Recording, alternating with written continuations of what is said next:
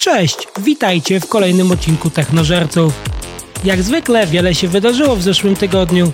22 września Mark Witten, kierujący na co dzień Unity Create, napisał otwarty list do społeczności, w którym przepraszał deweloperów oraz użytkowników za zmiany ogłoszone w zeszłym tygodniu. W liście tym Mark potwierdził, że przed ogłoszeniem polityki runtime fee powinni byli porozmawiać z większą liczbą twórców oraz uwzględnić więcej opinii.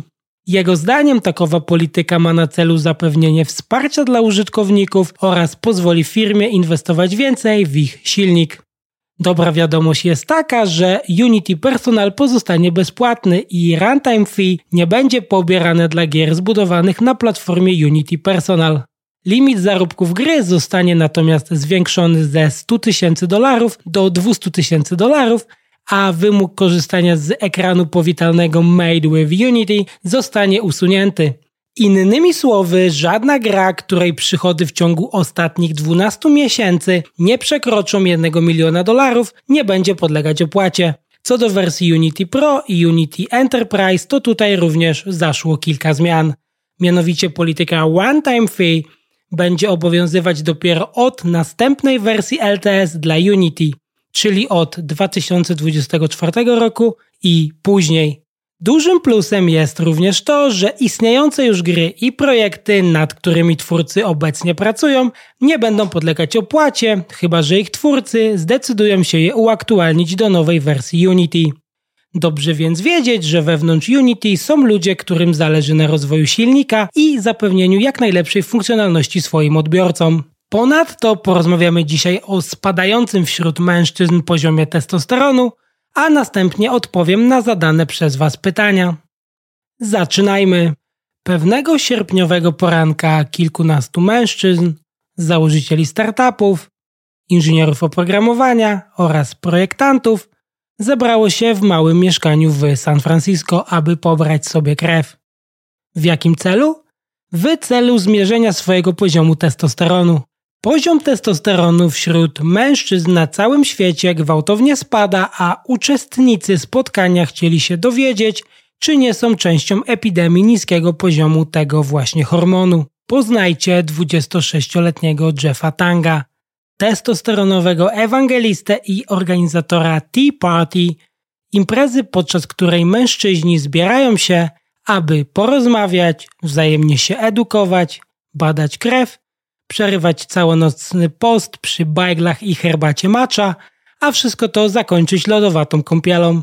Celem tanga jest, jak on sam to określa, pomóc ci przejść od niskiego poziomu testosteronu do średniego, następnie od średniego do wysokiego, a wszystko to po to, aby wznieść się na najwyższy poziom testosteronu. Jeff uważa również, że każdy założyciel firmy płci męskiej powinien zostać przetestowany, gdyż jego zdaniem inżynierom i ludziom o wysokich wynikach może to zapewnić psychologiczną przewagę. Tank zainteresował się kryzysem testosteronowym, gdy badał swój poziom testosteronu wraz z innymi biomarkerami na Kostaryce. Po rozmowach z ekspertami doszedł do wniosku, że poziom T spada i jest coraz gorzej. W przeciwieństwie do wielu zwolenników tej metody, Tank sprzeciwia się wystrzykiwaniu testosteronu i innym terapiom zastępczym testosteronu sprzedawanym obecnie w internecie, które często całkowicie zatrzymują produkcję tego hormonu w organizmie. O startupach oferujących TRT z angielskiego Testosterone Replacement Therapy wypowiedział się w następujący sposób. Oni po prostu sprzedają narkotyki. Jeff wierzy w bardziej holistyczne podejście zajmujące się pierwotną przyczyną niskiego poziomu T, którą przypisuje się złemu stylowi życia i toksynom krążącym w środowisku. Podkreślił też, że każda ingerencja w gospodarkę hormonalną powinna być dokonywana w wymierny, łatwy do wyliczenia sposób, gdyż biomarkery są dla mężczyzn i biohackerów jak astrologia. Opinia ta wcale nie jest przesadzona. Tomasz Schulz, 26-letni założyciel społeczności Solaris w Bay Area, polegającej na wspólnym mieszkaniu z osobami niespokrewnionymi ze sobą, pomimo noszenia na co dzień pierścionka oła inteligentnego pierścienia służącego do śledzenia snu i aktywności fizycznej oraz zegarka Apple Watch, a także stosowania okresowego postu, śledzenia snu i innych form biohakowania, nie ma pojęcia o niskim poziomie testosteronu. Nie znam spektrum wartości testosteronu, powiedział. Nie mogę tego nawet z niczym porównać. Objawy niskiego poziomu testosteronu obejmują utratę mięśni, łamliwość kości, problemy z uzyskaniem i utrzymaniem erekcji oraz depresję. Czy czuję, że mam oznaki niskiego T? Obiektywnie nie, stwierdził Schulz. W jego wieku to słuszne założenie, ale niekoniecznie prawdziwe. W ciągu ostatnich 20 lat poziom testosteronu ciągle spadał. Według raportu opublikowanego w 2021 roku w European Urology Focus, mężczyźni w wieku od 15 do 39 lat po uwzględnieniu wskaźnika masy ciała, chorób współistniejących i zmiennych związanych ze stylem życia doświadczyli średniego spadku poziomu testosteronu nawet o 20%. Według badaczy poziom testosteronów u kobiet również spadł. Nie wiadomo dokładnie dlaczego takowa fizjologiczna zmiana nastąpiła, chociaż zdaniem ekspertów mógł się do tego przyczynić siedzący tryb życia oraz czynniki środowiskowe, w tym narażenie na estrogenne chemikalia zawarte w tworzywach sztucznych, zanieczyszczenie powietrza, pestycydy i chemikalia zaburzające funkcjonowanie układu hormonalnego. Niski poziom T może być szkodliwy dla zdrowia zarówno fizycznego, jak i psychicznego. Testosteron jest głównym hormonem płciowym niezbędnym do rozwoju mięśni, kości, zarostu, jąder i popędu seksualnego. U zdrowych mężczyzn poziom testosteronu osiąga szczytowe wartości około 20 roku życia, a po osiągnięciu 50 jego poziom w naturalny sposób spada o około 1-2% rocznie. Urolodzy twierdzą, że prawidłowy poziom mieści się w przedziale od 300 do 1000 nanogramów na decylitr, a poniżej 300 nanogramów na decylitr klasyfikuje się go jako hipogonadyzm. W ostatnich latach wielu lekarzy zajmujących się długowiecznością, jak i wpływowych osób zajmujących się fitnessem i biohackerów opowiedziało się za terapiami zastępczymi testosteronem jako magiczną kulą męskości, deklarując, że TRT jest niezbędne do osiągnięcia sukcesu i odwrócenia procesu starzenia. Według jednego z raportów branżowych w 2020 roku terapie TRT zarobiły na całym świecie 1,75 miliarda dolarów, a do 2027 roku mają osiągnąć 2,2 miliarda dolarów rocznie. Obecnie na rynku dostępne są żele, granulki, pastylki do ssania, pigułki, kremy, aerozole do nosa, zastrzyki i implanty z testosteronem, a także cała masa blokerów estrogenu. Dla wielu te zabiegi są zobowiązaniem na całe życie, ponieważ przyjmowanie TRT powoduje zatrzymanie produkcji testosteronu w organizmie, który po jego odstawieniu może już nigdy nie powrócić do normy. Pomimo oczywistych niebezpieczeństw, inwestorzy jak i celebryci chętnie wykładają kapitał ze swoich kieszeni na wspieranie TRT. Maximus, platforma telemedyczna dla mężczyzn z siedzibą w Los Angeles, uruchomiona w 2020 roku, zebrała 15 milionów dolarów od inwestorów. Konkurent Hone Health wystartował kilka miesięcy później i w lipcu zebrał 7,8 miliona dolarów. Kolejna firma LifeForce rozpoczęła działalność w 2021 roku i w maju tego roku zamknęła finansowanie serii A z wynikiem 12 milionów dolarów. Ogólnie rzecz biorąc, firmy TRT wykorzystują specyficzny rodzaj męskiej niepewności, mocno odzwierciedlony w stereotypach w Dolinie Krzemowej na temat optymalizacji i wydajności. Nic więc w tym dziwnego, że marki suplementów zwiększających poziom T mają takie nazwy jak Swolverine, Prime Mail i Hunter Test. Sprzedawcy wielokrotnie powtarzają klientom, że nie są w tym sami. Jesteście plemieniem, którego wspólnym celem jest odblokowanie młodszego, zdrowszego życia. W grudniu ubiegłego roku nie kto inny, a Elon Musk napisał na Twitterze: Nie będę was okłamywał, testosteron rządzi.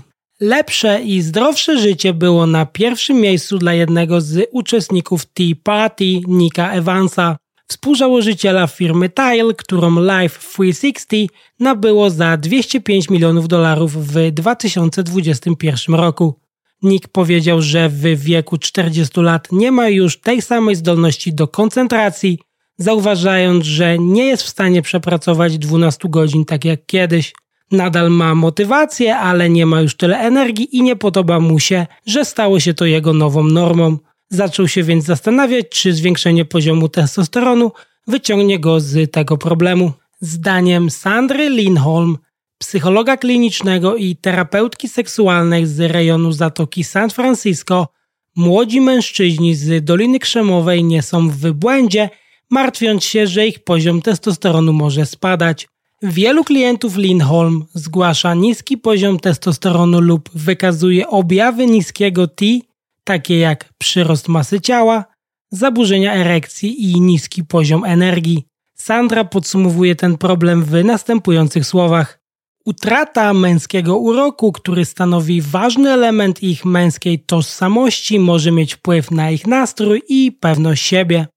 Pacjenci Lindholm preferowali zwiększenie poziomu testosteronu poprzez naturalną ingerencję w ich gospodarkę hormonalną, taką jak zwiększenie intensywności ćwiczeń cardio, kąpiele w zimnej wodzie oraz rezygnację z alkoholu i narkotyków.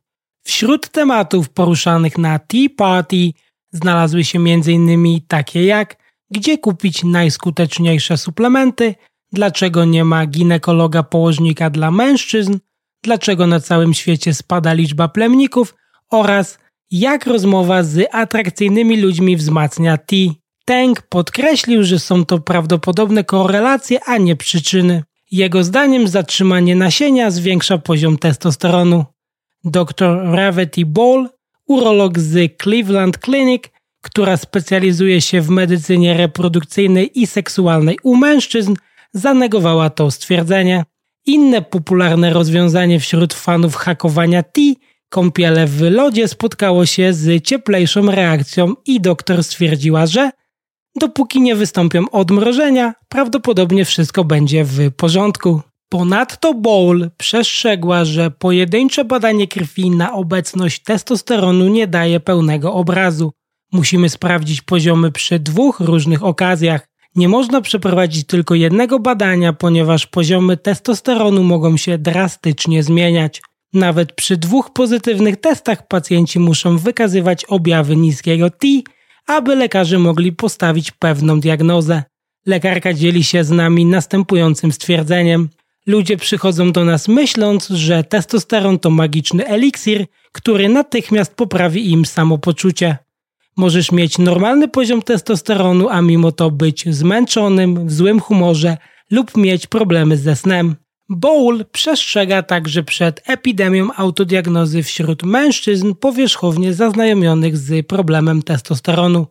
Jednymi z winowajców mogą być tutaj hiperboliczne quizy wykorzystywane przez firmy oferujące TRT, w których wszystkie odpowiedzi wskazują na niskie T. Przykładowe pytania to: czy czujesz się zmęczony? Czy jesteś bardziej nastrojowy? Mniej mięśni, więcej tłuszczu na brzuchu? Lekarka stwierdziła, że fałszywe quizy czasami przekonują ludzi, że to, czego doświadczają, wynika z niskiego poziomu testosteronu i nic ich nie przekona, że jest inaczej. Problem pojawia się, kiedy zmartwieni mężczyźni zaczynają uzyskiwać dostęp do TAT na własną rękę, a nie z oficjalnych źródeł.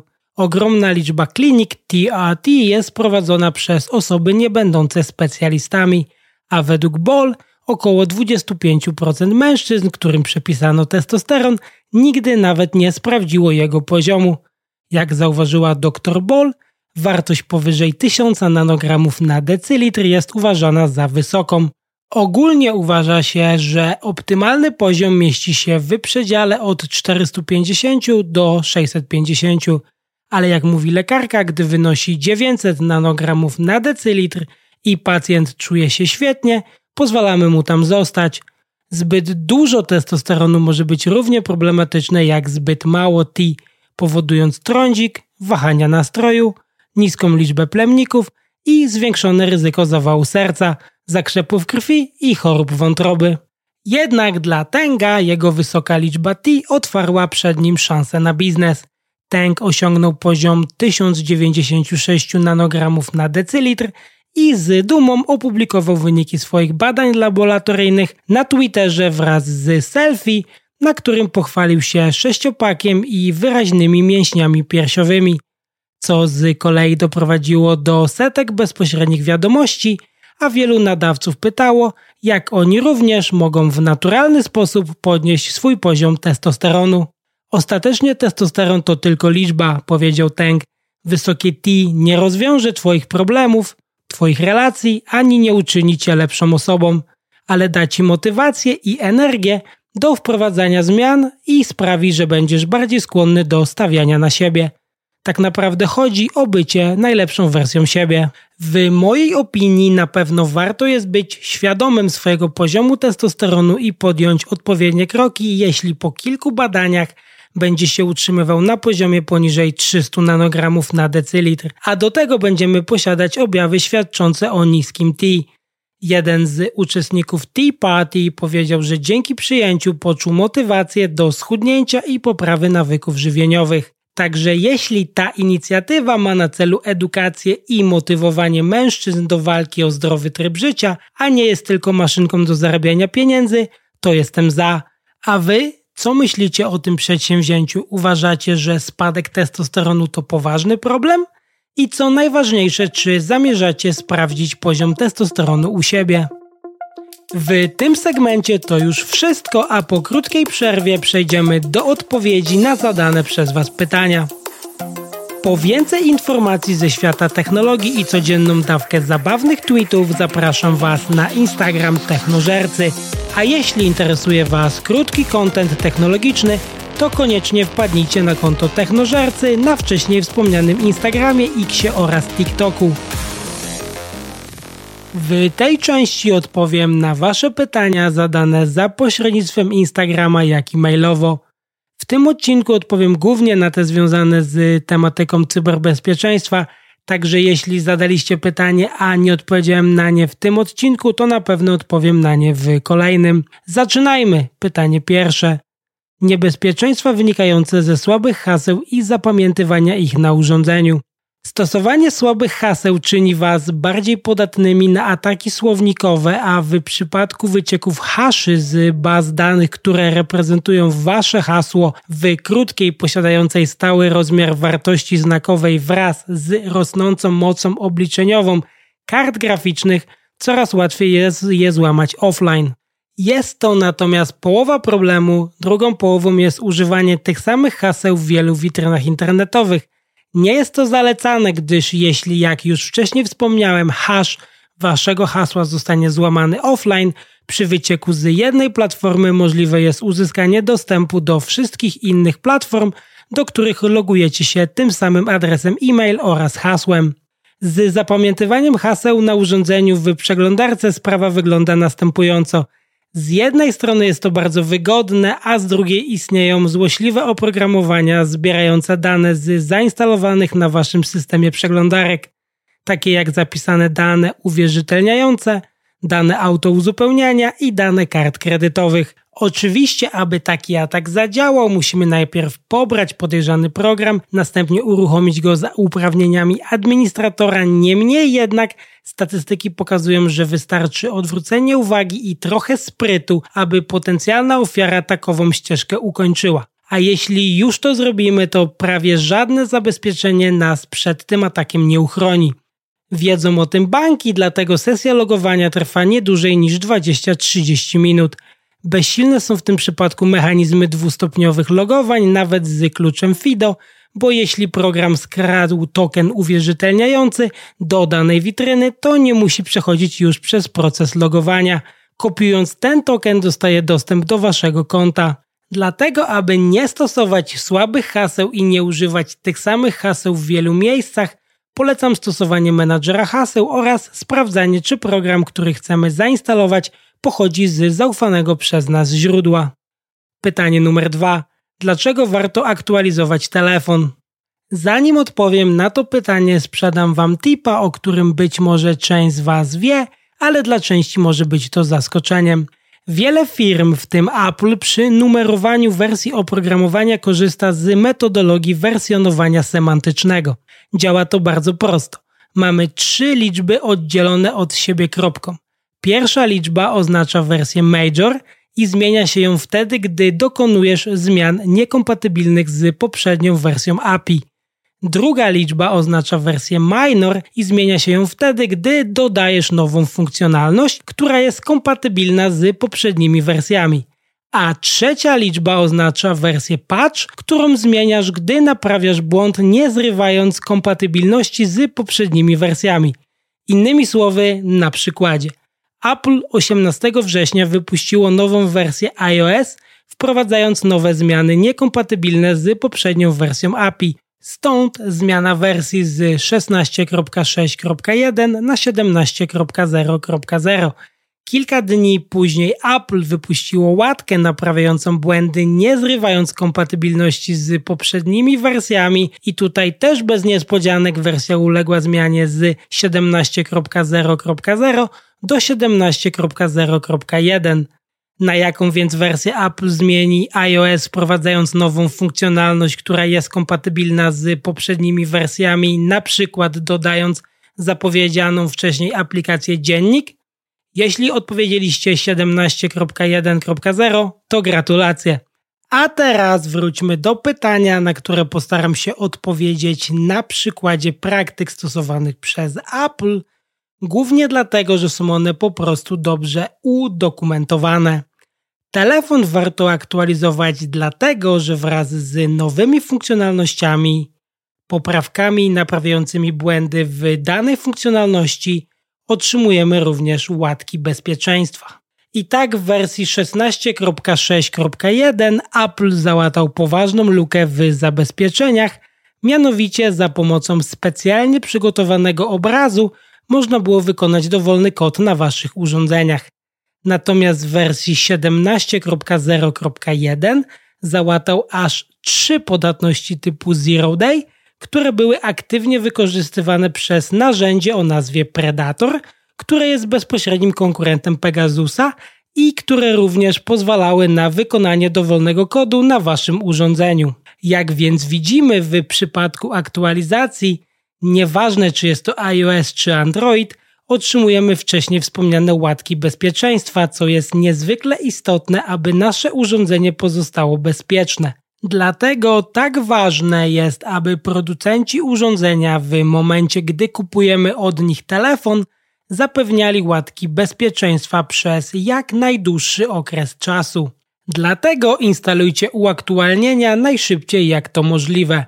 W tym celu mogą Wam pomóc np. na iOS uaktualnienia automatyczne. Z ankiety przeprowadzonej na Instagramie wiem, że części z Was, tak jak i mi, ten feature nie zawsze działa lub działa z opóźnieniem. Dlatego po otrzymaniu informacji z jakiegokolwiek źródła, że nowa wersja oprogramowania jest już dostępna, warto jest ją samodzielnie zainstalować. Pamiętajcie też o wymianie urządzeń na nowe, gdy wsparcie i wypuszczanie na nie łatek bezpieczeństwa zostało przez firmę wstrzymane, bo to tylko kwestia czasu, kiedy hakerzy nowe luki w zabezpieczeniach znajdą, a łatek usuwających ten problem już na nich nie uświadczycie. Pytanie numer 3. Czy opłaca się płacić za VPN?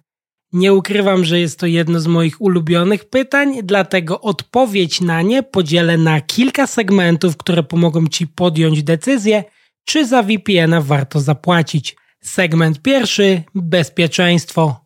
Firmy oferujące nam wirtualną sieć prywatną reklamują, że korzystając z ich rozwiązania będziemy automatycznie bezpieczniejsi. Ale część z Was może sobie teraz zadać pytanie: no jak? Przecież moje połączenie z Facebookiem czy YouTube jest przecież szyfrowane i to nie w byle jaki sposób, bo większość z dużych graczy do szyfrowania połączenia z ich witryną używa klucza o długości 256 bitów w połączeniu z symetrycznym szyfrem blokowym o nazwie AS z angielskiego The Advanced Encryption Standard.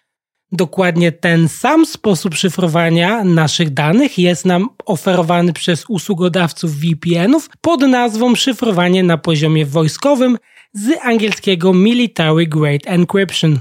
W tym miejscu części z Was zapali się pewnie czerwona lampka, że skoro to to samo, to po co za to w ogóle płacić, ale zanim wyłączycie ten odcinek twierdząc, że VPN to tylko strata pieniędzy, poczekajcie chwilę, bo na tym nie koniec. Większość usługodawców, takich jak Surfshark, w pakiecie oferuje Wam również blokowanie reklam, systemów śledzących oraz DNS-ów, które firma uważa za niebezpieczne. Co prawda w przypadku Surfsharka musicie takowy feature o nazwie Clean Web najpierw samodzielnie włączyć w ustawieniach połączenia, ale takowa opcja jest do Waszej dyspozycji. I tak, możecie dokładnie taką samą funkcjonalność skonfigurować sobie sami bez VPN-a, ale jeśli nie wiecie jak to zrobić, czym jest Raspberry Pi, DNS oraz pfSense i tak dalej, to lepiej w mojej opinii za to po prostu zapłacić. A taka funkcjonalność zwiększa Wasze bezpieczeństwo na przykład w taki sposób, że jeśli Wy w wyszukiwarce Google klikniecie w link, który jest reklamą, to z witryną się nie połączycie. I oczywiście nie jest to zbyt wygodne, bo większość z nas klika w pierwszy link, chcąc po prostu przejść na witrynę. Jednakże uchroniłoby Was to przed takim atakiem, jaki miał miejsce w grudniu zeszłego roku, kiedy to hakerzy stworzyli replikę witryny OBS Studio reklamowaną w Google Ads. Tylko, że po kliknięciu w link i po obraniu oprogramowania, a następnie jego zainstalowaniu, wcale nie instalowaliście OBS-a, tylko Redline Stealera, złośliwe oprogramowanie zbierające dane z zainstalowanych na waszym systemie przeglądarek, takie jak zapisane dane uwierzytelniające, dane auto uzupełniania i dane kart kredytowych. Nie był to też pierwszy raz, dlatego dobrą praktyką bezpieczeństwa jest nie klikanie w sponsorowane linki na Google. Segment drugi prywatność. Głównym zadaniem VPN-a poza utworzeniem bezpiecznego połączenia pomiędzy Twoim urządzeniem a serwerem VPN jest maskowanie Twojego prawdziwego publicznego adresu IP. Dlaczego jest to ważne? Po pierwsze, dlatego, że na jego podstawie można określić Twoją przybliżoną lokalizację.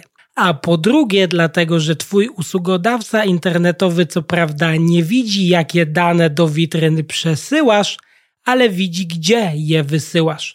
A gdy używasz VPN-a, widzi tylko, że nawiązałeś połączenie z serwerem VPN. Na przykładzie, gdy łączysz się z www.facebook.com bez VPN-a, to Twój Internet Service Provider widzi ruch właśnie do tej witryny. A gdy łączysz się do Facebooka przez VPN, to Internet Service Provider widzi tylko ruch do serwera VPN, który przesyła Twoje żądanie dalej do Facebooka. I tutaj warto wspomnieć o tym, że w przypadku używania wirtualnej sieci prywatnej warto wybrać takiego usługodawcę, który na swoich serwerach nie przechowywuje logów. W przeciwnym razie niewiele nam to daje, że nasz usługodawca internetowy co prawda nie widzi, że połączyliśmy się z Facebookiem, skoro na serwerze VPN są logi, które to potwierdzają a te mogą albo podczas ataku wyciec, co zdarzyło się już nieraz, albo służby mogą takowych logów po prostu na mocy obowiązującego prawa zażądać.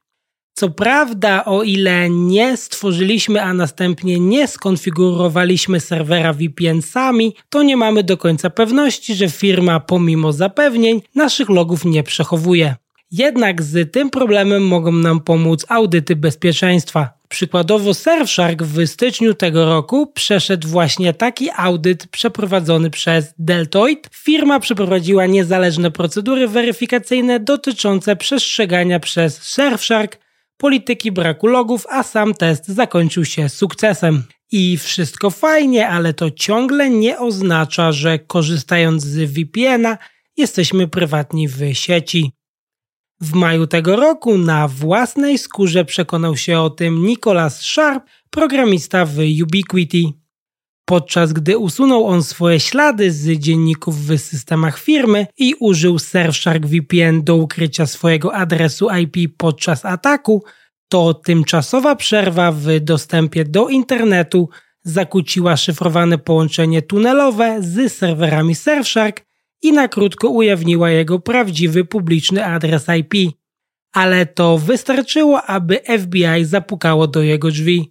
Oczywiście Surfshark zdaje sobie sprawę z tego, że nasz prawdziwy publiczny adres może od czasu do czasu cieknąć i w tym właśnie celu oferuje funkcjonalność o nazwie Kill Switch, który nawiązuje ponowne połączenie i zachowuje połączenie w przypadku zakłóceń, co sprawia, że nasz prawdziwy publiczny adres IP nie cieknie.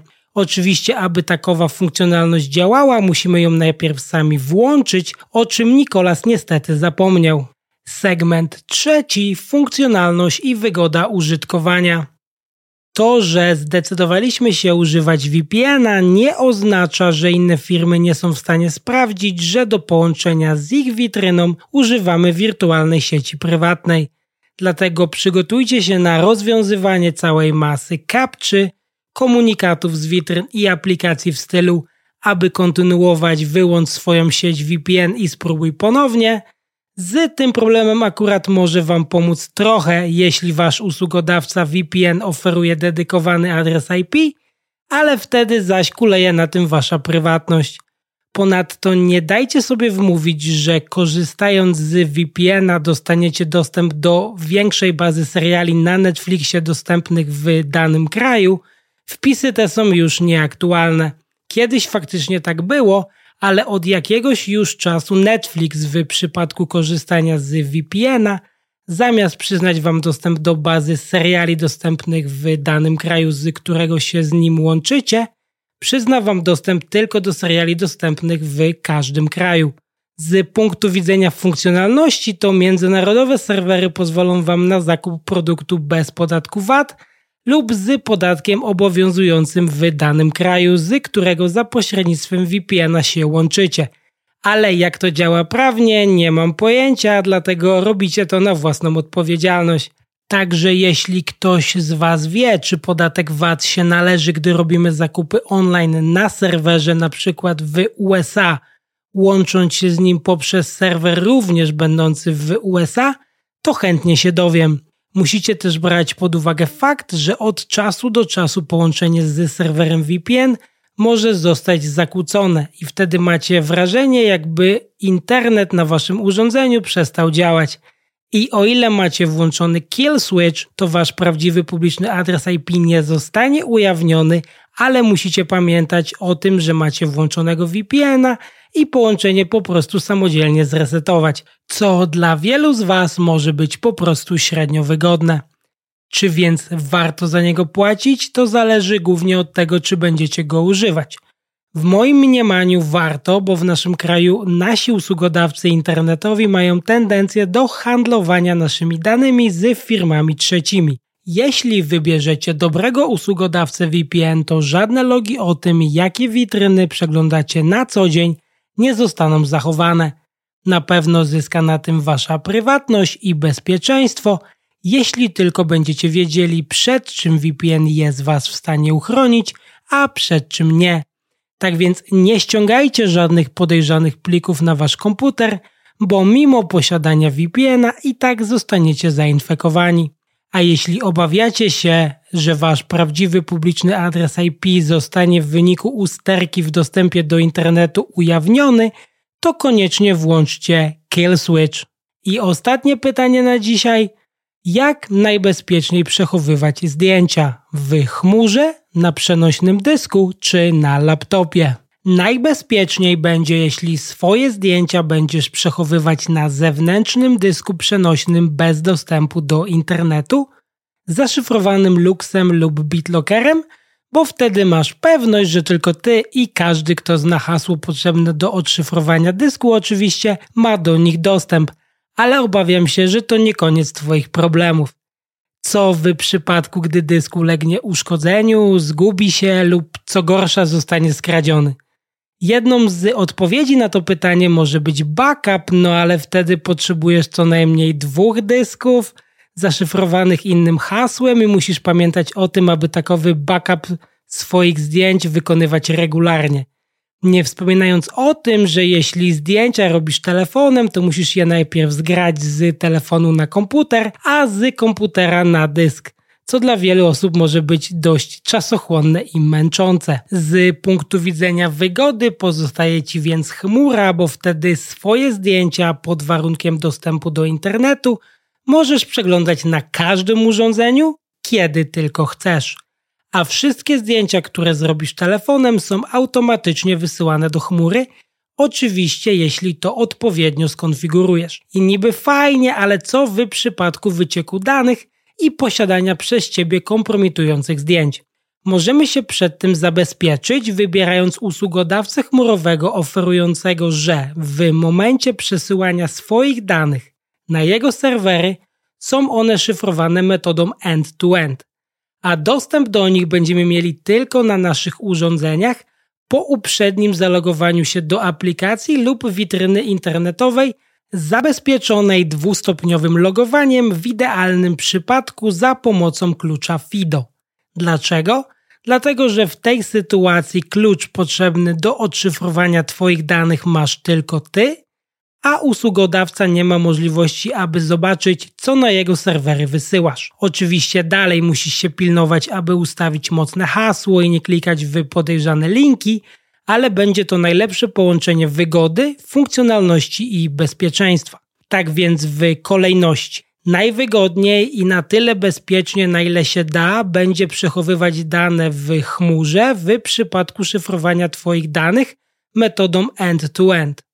Najbezpieczniej, ale niewygodnie będzie przechowywać dane na zaszyfrowanym dysku zewnętrznym bez dostępu do internetu. Szyfrowany laptop jest w tym zestawieniu na ostatnim miejscu ze względu na ciągły dostęp do internetu i posiadanie takich samych problemów jak dysk zewnętrzny. Dziękuję za wszystkie otrzymane pytania. Pamiętajcie, że możecie je zadawać w każdy piątek za pośrednictwem relacji na Instagramie oraz codziennie wysyłając maila na adres feedback małpa.technozercy.xyz. Dajcie znać, czy chcecie więcej rolek w temacie cyberbezpieczeństwa i tym akcentem kończymy.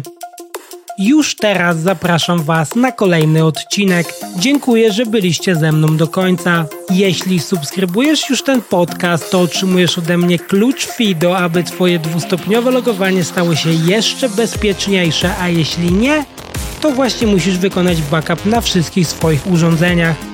Koniecznie podzielcie się swoimi przemyśleniami, czy waszym zdaniem warto zapłacić za VPN-a i czy zbadacie swój poziom testosteronu. Dajcie mi znać w komentarzu, wiadomości prywatnej, na Instagramie, czy gdziekolwiek Wam najwygodniej. Jeśli macie jakieś pytania odnośnie tematów poruszanych w podcaście, czy ogólnie odnośnie technologii lub chcielibyście, abym jakiś temat poruszył, dajcie mi znać. Czekam na Wasze maile pod adresem feedback Zapraszam Was również na Instagram, Facebooka, Twittera, TikToka oraz YouTube. Dzięki za każdą otrzymaną opinię. Do usłyszenia.